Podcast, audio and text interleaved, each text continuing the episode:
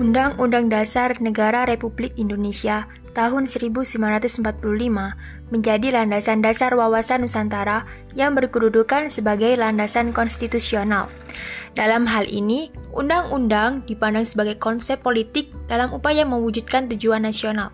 Salah satunya yaitu mewujudkan hubungan dengan dunia internasional berdasarkan kemerdekaan, perdamaian abadi, dan keadilan sosial guna mendukung kepentingan nasional. Untuk mewujudkan tujuan nasional itu, Indonesia sudah membuat hubungan kerjasama antara negara Indonesia dengan negara-negara lain.